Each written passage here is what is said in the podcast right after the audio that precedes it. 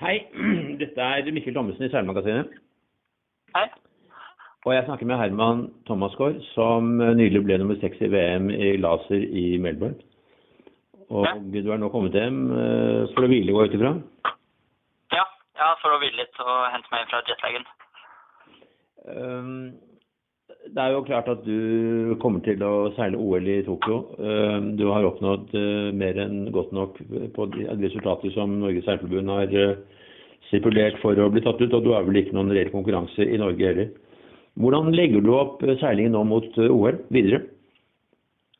Eh, Det ble litt, eh, litt endring fra i fjor. I fjor ble jeg jo, var jeg jo ganske dårlig Så hadde jeg noen dårlige regattaer rundt på begynnelsen av sommeren der. Eh, Så prøve å endre litt grann fra i fjor. Så det blir litt, litt mindre regattaer enn i fjor. Så bare gjør at jeg gjør Palma Hier, og så gjør jeg World Cup-finalen. Eh, Og så prøve å finne litt tid til å gjøre noe trening med treningsgruppen min også. Eh, Hva er treningsgruppen din? Hvem er som er med på det? Det er Jesper Stålheim, Philip Buhl og så Karle Tapper. Og Philip Bull ble, ble jo nettopp verdensmester. Og han har Ja. seilt jevnt med og slått ganske mange ganger tidligere, egentlig. Ja, ja, vi er jo Det er jo veldig tett i laseren, så det er jo litt hvem som har eh, hvem som har uken sin. Så det, det varierer veldig hvem som gjør det bra. Eh, Nå er det noen som klarer å holde seg han Matthew Bjørn har jo klart å holde seg opp jevnt stabilt oppe i toppen, men ellers er vi mye opp og ned. Så sånn som Philip, han hadde jo en veldig god uke der, og det, det var jo kjempegøy. Har virkelig fortjent. Han har, han har jo to VM-medaljer fra før. Han eh, har jo åpenbart eh, evnen til å kline til når det gjelder, da. Ja, helt klart. Du har jo hatt en del gode resultater. Da vi så på, var på denne tiden av sesongen i fjor, så hadde du en uh, World Cup-regatta i eh, Miami bak deg hvor du var helt suveren. og Da tenkte du kanskje noen at uh, nå, nå har han nådd toppen, så nå er det liksom bare å cruise videre mot OL-gull. Som- Ja. Nei. Nei, det er jo, som jeg sa, det er jo veldig opp og ned. Og man eh, og det, er, ja, det, det- er små, små detaljer som gjør store forskjeller på poengmessig. Til å begynne med, i VM så hadde du i og for seg gode plasseringer. Det var vel en del ellevteplasser, men da var jo eh, feltet delt opp i grupper. Så det var vel tre, tre forskjellige grupper, og dermed så lå du ganske langt ned på listen tross alt. Ja. Um, du har jo gjort det bedre enn det, eh, også fra begynnelsen av Gatan. Hvordan vil du karakterisere starten på VM eh, denne gangen? Nei, det var litt tungt. Jeg følte meg jeg vet ikke, jeg følte meg ikke helt eh, 100% på begynnelsen. Eh, og jeg, synes, jeg lurte på om jeg kanskje hadde en liten forkjølelse som jeg drev og kjempet litt mot. Men også, ja, jeg var litt Jeg, var ikke helt eh, jeg, jeg gjorde en del feil på begynnelsen der, som litt dårlig startere havnet litt bakpå. Som da endte med noen, en del ellevteplasser. Ja, som jo når vi er delt opp i felt, så er jo ikke det et veldig bra, et veldig bra resultat. Det er jo samme som ca. 33.-plasser når vi er i, i gullfinalen. Eh, så nei, jeg følte meg ikke helt topp på begynnelsen der. Hvor, hvor viktig er det å være liksom 100% i form når du skal seile en sånn regatta? Ja, det blir viktig når, eh, spesielt når det sånn, så nå blåste veldig mye, var det mye vind. Eh, og da Det har veldig mye å si hvis man har litt overskudd med energi, så klarer man å si, presse seg ordentlig, men fortsatt tenke og fortsatt uh, å ha litt ekstra energi til å, kunne, til å kunne bruke når du virkelig trenger det. Mens hvis du føler deg litt dårlig, så blir det fort vekk at du bruker uh, all energien på å bare klare å få båten til å gå fort nok. Og da har du ikke noe overskudd til å tenke eller noe overskudd til å bruke energi når du virkelig trenger det. Er det derfor du begrenser antall regattaer nå før OL? Prøve å ja, også for å få litt eh, tid til mer trening. At det ikke bare blir regatta spesifikt. Det er, jeg syns fort vekk man blir litt, litt slapp etter hvert ja, av å gjøre mye regattaer. Så du må trene ved siden av og, og særlig være mye i båten? Ja. Det er Og, klart. og det er sammen med den treningsgruppen din, da? Ja, ja, alt dette blir gjort sammen med treningsgruppen. For det har vi jo kommet frem til at det er kanskje et av våre eh, sterkeste kort frem mot OL, er jo at vi er, at vi er en internasjonal gruppe som eh, Så vi er en del toppseilere fra forskjellige nasjoner. Så veldig mange, så vi skal jo alle til OL, mens på mange av de andre nasjonene, sånn som Australia, England osv., de har jo en kjempegod gruppe i landet sitt. Men idet de har valgt én som kommer til OL, så blir jo på en måte faller nivået på de andre ganske godt, og fort vekk at mange av de begynner å slutte osv. Så, videre. Eh, så der har vi snakket om at vi har et eh, ja, at det er en av våre sterkeste, sterkeste punkter. Altså Dere i den gruppen tenker slik eh, som eh, 49er FX-gruppen rundt eh, Helene Næss og eh, Marie Rønningen, at, eh, for de trener med de to beste, at, Ja. eh, at det viktigste er at de tre blir gode, og så får de ta den kampen innbyrdes når det kommer til OL. Ja, ja, helt klart. Helt klart. Og det er jo helt ikke noen andre man også kan få å med. Så det, ja, vi, eh, vi hjelper hverandre alle sammen og er veldig åpne med hva vi, hva vi sier på treningene. Eh, Laser er en veldig fysisk eh, båt, og eh, særlig når det blåser, så er det jo kanskje den som er i best fysisk form, Mm. som vil gjøre det bra, og som ikke blir sliten mot slutten. Det går utover uh, eh, tenkingen også. Ja. Men hvis, altså, du er fremdeles ganske ung eh, og har jo vært barnestjerne. Du måtte i Sverige til å vinne, for du var for ung til å delta i regatta i Norge pga. Barneidrettsreglene. Ja. Um, og så kom du hjem og ble god i, i optimistrolle og gikk over etter hvert i, i laser. Og så var du veldig god i de aldersbestemte klassene i juniorklassen og under 23 og osv. Ja. Uh, og så stoppet det litt opp liksom, når du gikk Ja. over i senior, for det at der blir jo nivået litt annerledes. Ja. Der, der er det stoppet litt opp. Men de siste skal vi si halvannet årene så er du kommet for fullt også blant seniorene. Og du er ranket nummer seks i verden Ja. eh, av nesten 700 laserseilere. Det er jo ganske imponerende. Ja. Men eh, hva er det som er du, Føler du at du er mer modnet som seiler? Er det det som har skjedd? Ja, det tar jo litt tid. Det er helt klart litt mer moden. Og så er det jo eh, det- tar en, stund også å bygge seg opp til at du til å bli sterk nok og tung nok til, eh, til å seile laseren også. For det tar jo på en måte å bli tung nok. 80 kilo, det går jo forholdsvis fort, men så må på en måte kroppen venne seg til det. Og teknikken, du må vende teknikken til denne vektøkningen. Og det er, det er mye som, man, som kroppen må, som det tar noen år for kroppen å venne seg til. Eh, og så, ja, og så er det jo litt den modningen, ja. Helt klart. At man, man lærer jo mye. Jeg merker jeg har lært veldig mye bare siste året også med om laseren. Så man lærer jo hele tiden mye nytt. Er det 80 kilo som er omtrent matchvekt for reell vekt for laserseileren? 83 er fint nå. Med det med nye seilet og masten så er nok 83 det beste.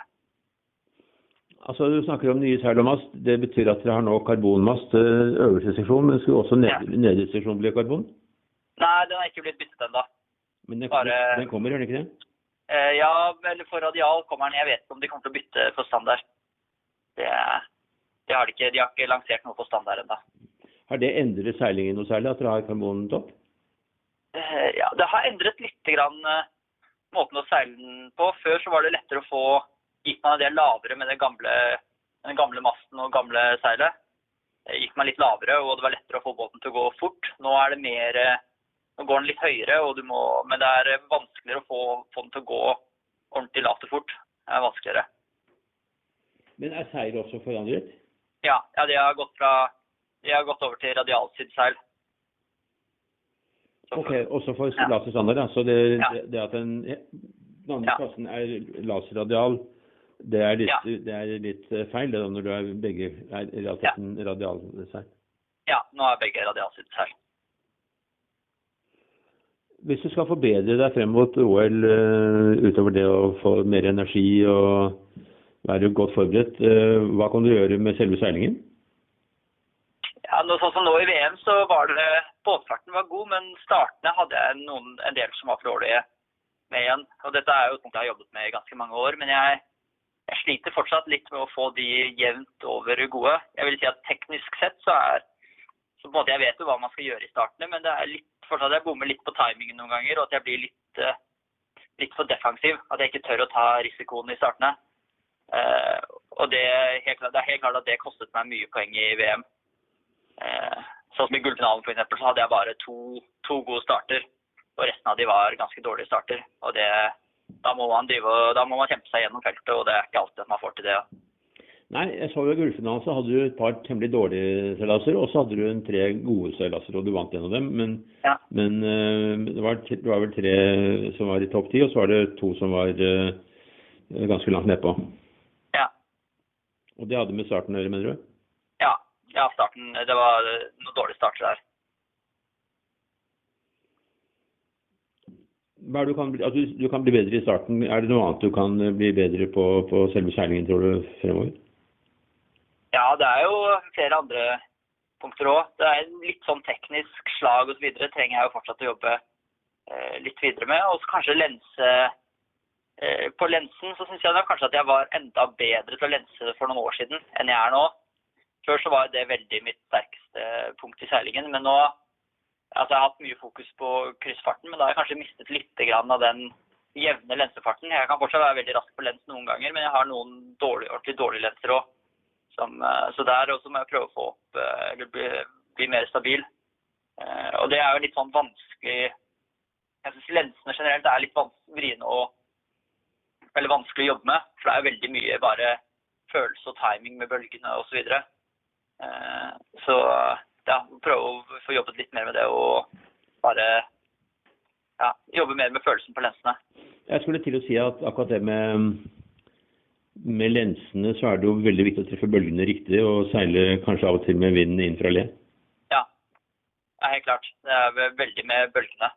Og så er det litt hvordan du på en måte leser bølgene osv. Som, ja, som man må ja, som er viktig.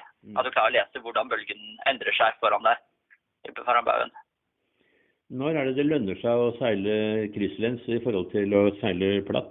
Hvor, hvor er vind, vindskillet der? Ja, for oss, det, jeg vet ikke. Vi, går, vi seiler jo veldig Det varierer jo veldig for oss i forhold til bølgene.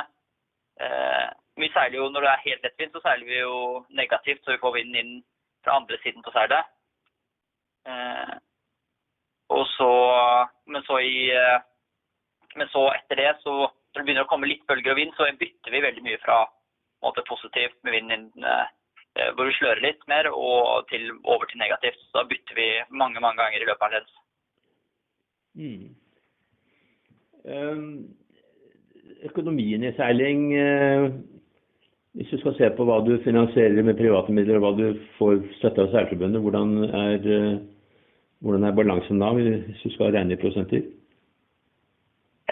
Nei, nå, jeg, jeg, Det har vært mye bedre hjelp nå. Nå er det ikke bare Særforbundet. Jeg får veldig god støtte fra KNS også, eh, som er en stor eh, bidragsyter. Eh, og noe fra Olympiatoppen. Så nå begynner det, å, ja, det begynner å bli mye bedre nå. Og jeg får selvfølgelig fortsatt jeg trenger fortsatt litt hjelp hjemmefra, men det begynner å bli veldig, veldig mye bedre. Og de, de hjelper jo til der de kan. Men, men, ja, det har vært mye bedre, mye lettere med å finansiere det de siste årene. Sponsorer, da? Ja, det har jeg to, fått to sponsorer som eh, hjelper meg. Hva tenker du, tenker du, når du ser at Kasper Ruud f.eks., som jo er en kjempegod seiler, eller tennisspiller, skal ikke ta noe av æren fra ham, men han er altså ranket 35 i verden og vant en turnering. Hvis du ser på resultatene, så har vel du oppnådd like gode resultater og er ranket nummer seks i verden, og det er ingen oppmerksomhet i pressen? Nei, nei sånn, er, sånn, er, det jo litt. At uh, det blir jo uh, Det er jo noen idretter som får uh, en del mer oppmerksomhet i pressen osv. Nå er jo det det, jo, det, hadde vært veldig fint med tanke på støtte med, med mer oppmerksomhet i pressen. Og det Jeg vet ikke. Det er, det, det er vanskelig spørsmål det med hva man skal gjøre med presse overfor seilingen. For det er jo helt klart at det er jo resultater som Resultater er jo en viktig del av det. Men samtidig så er det jo ikke Det er jo ikke alltid hvor, hva pressen skriver om. Eh, det er veldig viktig, eller det er veldig viktig også med ja, hva, om de har noen historier, er det jo veldig ofte at de har lyst på pressen. Om de har noen historie å skrive om. Mm. Men hvor langt er du villig til å gå for å seile slik at du kommer tettere på publikum? ja, å prøve å, å, selge idretten mer. Ja. Eh, ja, skal jeg være helt ærlig, jeg, jeg syns det er litt vanskelig å skulle selge og drive og selge meg selv og hele tiden skulle presse på det. og Jeg syns det, det, tar ganske mye energi fra meg. Og spesielt nå i, i OL-sesongen så har jeg egentlig tenkt, kommet mer frem til at jeg eh, ikke vil presse for mye på det. For det er jo en litt tendens til at norske, norske medier de bryr seg jo ikke om seiling i det hele tatt før man kommer i OL. Og hvis du plutselig ligger godt an i OL, så skal de ha, skal, skal de ha intervjuer og alt mulig. Eh, og det er jo en, noe jeg har tenkt litt på. at det kan, man kan jo det kan fort vekk bli at det blir veldig mye da, og du ikke er vant til det. Og at det faktisk tar litt overhånd når du må, i det, i det øyeblikket du virkelig må prestere. Uh, ja, så jeg har egentlig tenkt å prøve å ja, jeg har tenkt på å ikke ta for mye nå på våren i hvert fall. Og ikke legge for mye vekt på det. Kun å konsentrere deg om det som gir resultater på Røatavann? Ja. Kun å konsentrere om det som gir resultater. Helt klart. Hvis du skal legge opp en kryss, hva er det du gjør da før start og i begynnelsen av kryssen? Jo, er, jeg legger veldig mye vekt på å prøve å legge en plan før start. Det merker jeg at påvirker seilingen min mye. Og da er det eh, Når vi går ut, så går jeg og treningsgruppen sammen og at vi kjører en krysstest hvor vi starter med en harestart. Og så, når vi da er fire båter, så kan vi få testet ganske god del av banen. Og virkelig gjøre en ordentlig, kryss sammen. Ja. Uh, og så møter vi opp og så snakker vi om hvilke kompassvinkler vi har hatt på de ulike sidene av banen, og prøver å, måte, å sammenligne hva vi har hatt av vinkler. Så vi kan se på om det f.eks. har vært et skift som har påvirket, eller om det kan ha vært mer vind på den ene siden osv. Eh, og så er det da når jeg kommer ned da, så er det å diskutere med min trener uh, strøm, hvordan strømmen er på baneområdet osv. Og, så videre, og prøve å legge det inn i hva vi fikk som svar på krysstesten. Eh, og så er det da å prøve å, velge, prøve å tenke hva, som, hva, det virker som at uh, kan lønne seg. da. Både i forhold til system på skiftene og om det kan være mer trykk eller strømfordel på en side. Men det du da sier er at dere samarbeider, også selv om dere er konkurrenter, så samarbeider dere helt frem til rett før start? Ja, med å legge den beste strategien på første kryssen. Ja, for å prøve å Ja, for det, det, hjelper veldig, det. Man har jo ofte merker veldig stor forskjell hvor kontroll man har på, på baneområdet fra første race, eller hvor mye mer kontroll man har andre race enn første race uh, på, dagen uh, på banen. Og, og da å prøve å få en ordentlig test av kryssen før første seilas også. Uh, gir mye mer kunnskap, da. Men øh, det betyr altså at øh, dere kan risikere å komme ut ganske likt, da, særlig ganske likt på første krisen? At dere er på samme steder og sånn på første kryss? Ja, nå, egentlig så burde du jo si det, men det har ikke skjedd så mye det. Man tolker jo ting veldig forskjellig. Sånn som hvis man får litt fordel på én side, men ja, at én tror at det er pga. strøm, en annen tror det er pga. vind, ja, det er mer vind. Det, er, det, er, det blir ofte ja, det, blir ofte at man lager litt egne planer uansett. Så vi har ikke hatt noe problem med det, at vi ender opp på samme side. Men det er små marginer, det har vi sett. Og, og i et sånt felt altså, skal det jo ikke mye til før man blir hengende etter. Det var nevnt et eksempel Ehm, er at du hadde tatt en kjempefin start og lå liksom helt og knivet i teten. Og så, så, måtte du gå bak en fyr som slo på toppen av deg. Og, ehm, og, da måtte du slå igjen og komme litt ut av takt på vindskiftene. Og han som slo på toppen av deg, han var først på merket og vant regattaen, og du ble ganske langt uti. Ja. Det er selvfølgelig sånn som skjer, så det er jo lett å bli vippet ut av en strategi. da. Ja, ja, og man må jo helt klart endre det endre planen ofte. Eh, og det, ja, det, det, er helt klart at i løpet av seilasen så, så, endrer man planene, og du må hele tiden tilpasse det. Eh, men det, som, det det hjelper med, med å ha en plan, er at man ofte, eller i hvert fall for meg, at jeg går da mer Det påvirker meg også til å seile båten fortere til den siden jeg har tro på. For da er jeg mer klar over Jeg blir ikke nølende på at å, jeg lurer på om jeg kanskje skulle vært der eller, eller der. Hvis, har, hvis, man først har lagt en plan, så går man i hvert fall for den. Og så, om man må endre planen også, så måte, har, har man i hvert fall noe å, å, noen knagger å henge det på. At man har, ok, det her vet jeg i hvert fall at jeg har lyst til å gjøre. Og da prøver jeg å lage en plan ut, ut fra det. Du samarbeider veldig tett med treneren din, Anton Garot fra Spania. Um Hvor viktig er det å ha en god trener som er til stede ved hver regatta? Og Det er jo en veldig viktig del av uh, satsingen, helt klart. Med, og Anton har jo vært Vi har jobbet i mange år sammen nå, uh, og det har, det, det har, fungert veldig bra. Uh, så en, en, en, trener er helt klart en veldig, veldig viktig del. Nå er det jo jeg skulle si For sånn, de yngre seilerne så er det jo Det koster jo veldig mye å ha en trener. Det er jo en utrolig stor kostnad. Nå er det NSF som dekker den meg, men sånn for yngre seilere så tror jeg helt sikkert at det er, det er, det er helt fint mulig å i hvert fall starte en satsing uten en trener òg. Men så etter hvert så må man nok eh, Så trengs det en trener for å få et litt mer overblikk og for å få over satsingen og klare å hjelpe, guide deg litt på veien til man, hva man skal gjøre. Guider han deg på veien, eller eh, er det analysen etterpå som er det viktigste? Ja, han, han, han guider meg en del med hva jeg skal gjøre. Det er jo måte, han, han, har et veldig fokus på at det er jeg som skal kjøre satsingen min selv. At han bare skal måtte prøve å hjelpe meg eh, med å ta de rette valgene. Eh, og så til syvende og sist så lar han jo Han lar meg få lov til å ta valgene, men at han prøver å, eh, prøver å hjelpe meg med hva, jeg, hva, han tror er lurt, og prøve å gi et litt, et litt et syn på det fra utenfra. At jeg ikke litt, klarer å ha et litt mer objektivt syn på ting, og se litt mer det store bildet. Laser er jo en strengt uh, entype båt, og uh, man skulle da tro at alle båtene var like, men, men, det har vist seg at det er de ikke alltid. Nei, nei der, har de, der har de litt igjen å gå på. Uh, også nå i VM så fikk vi jo, der får vi jo charterbåter som vi må bruke. Og der også var det jo båter som Det var helt klart ganske store forskjeller på noen av båtene. Og eksempel på mastelogg så var det noen som hadde en Han ene fikk en båt som hadde masten utrolig langt eller veldig laget bakover. Og, og, ja, og det var noen båter som lakk, og det, ja, det er som alltid. De klarer ikke å produsere de helt likt.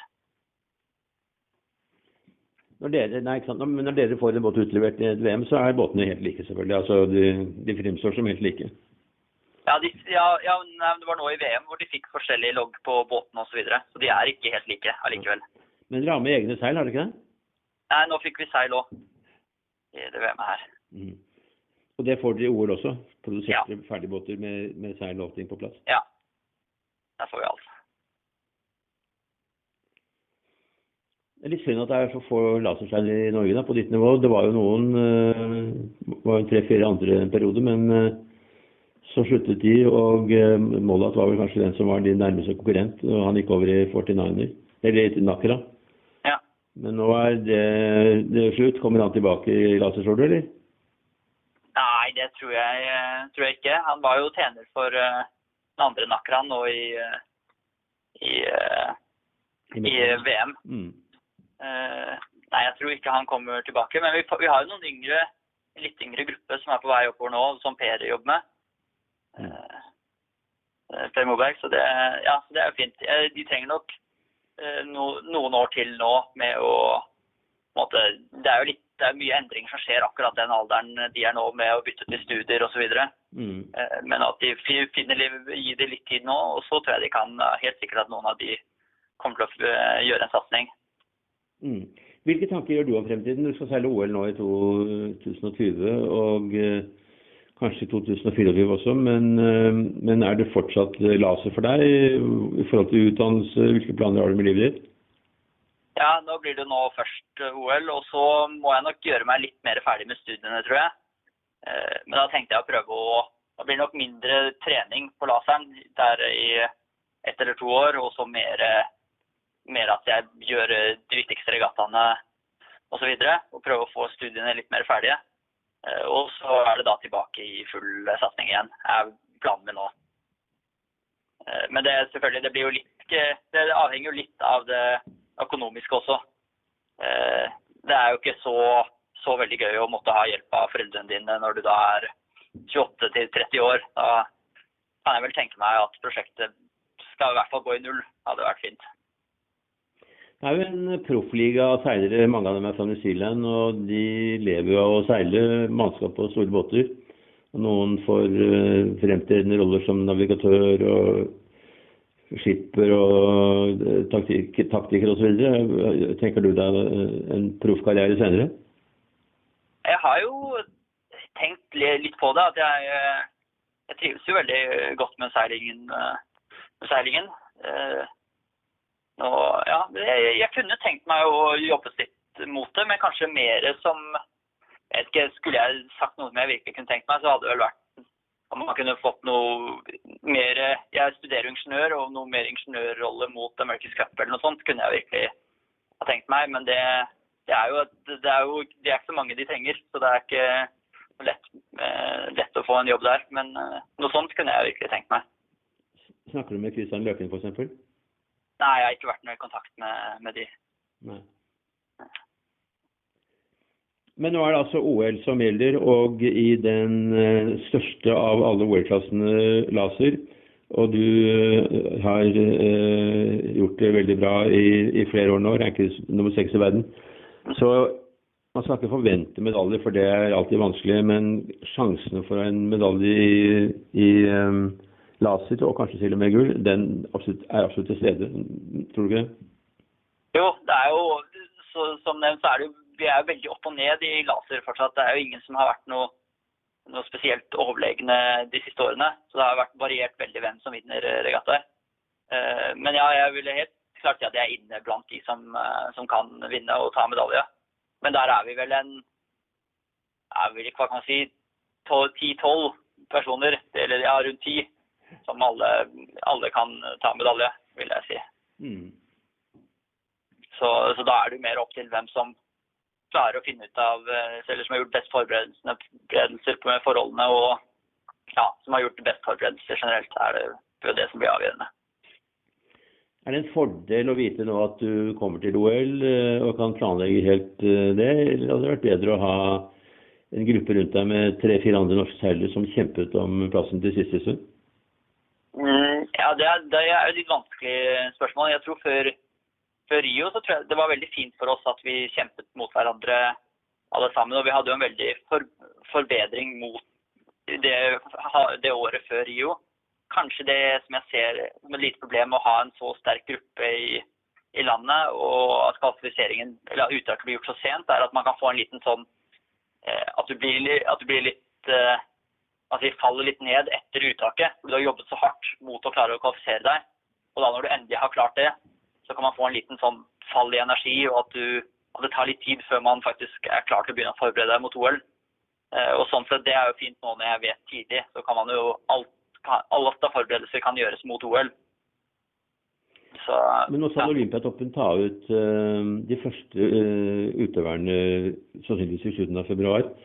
Uh, ikke nødvendigvis seilere da, for det er jo andre idretter også. Men det hadde vært å håpe at noen fikk klarsignal eh, da, i den første bolken. Har du noen følelse av det, om du er blant dem? Ja, jeg, jeg vet ikke om jeg er eh, blant de. Jeg, jeg håper jo at de, at de tar eh, meg ut på første bolken, men man, man, vet ikke. Er jo, Seiling er jo en liten idrett i Norge, og vi har jo som nevnt så har vi jo ikke mye medieoppmerksomhet eller, eller sånt. Og da kan man fort vekk bli litt, litt glemt bort i et sånt uttak, førsteuttaket. Ja. Men nå er vi nok en del seilere som er ja, vi er vel forholdsvis sikre på at vi blir tatt ut, i hvert fall på neste. da, så Man gjør jo fortsatt OL-forberedelsene. Så det er jo mer enn ja, det, er, det, har jo ikke så veldig mye å si om man blir tatt ut på første eller andre. Men uh, man kan jo håpe. Mm. Jeg ønsker deg lykke til med forberedelsene. Vi kommer sikkert til å snakke sammen mer også før OL. Men uh. Det er altså Tokyo 2020 det gjelder. Det er i slutten av juli, begynnelsen av august, er det ikke det? Ja, det stemmer. Da er det veldig varmt i Tokyo. Hvordan har du forberedt på det? Eh, ja, jeg er ikke veldig god Eller jeg syns det er vanskelig med varme, men vi gjør jo mye ja, Prøver å snakke litt med Vi, har noen kurs med Olympiatoppen og hvor de prøver å formidle hva man ja, med drikking osv. Hva man må få i seg og prøve å holde seg i skyggen. Og så har vi jo prøvd litt med sånne kuldevester osv. Så eh, å prøve å få gode rutiner i varmen er jo det jeg legger mye vekt på. For det merker jeg at som jeg ikke er så vant til det, så har jeg ikke de rutinene inne. Og jeg, det, det, krever litt krefter at jeg, at jeg, øver meg opp på de rutinene. Mm.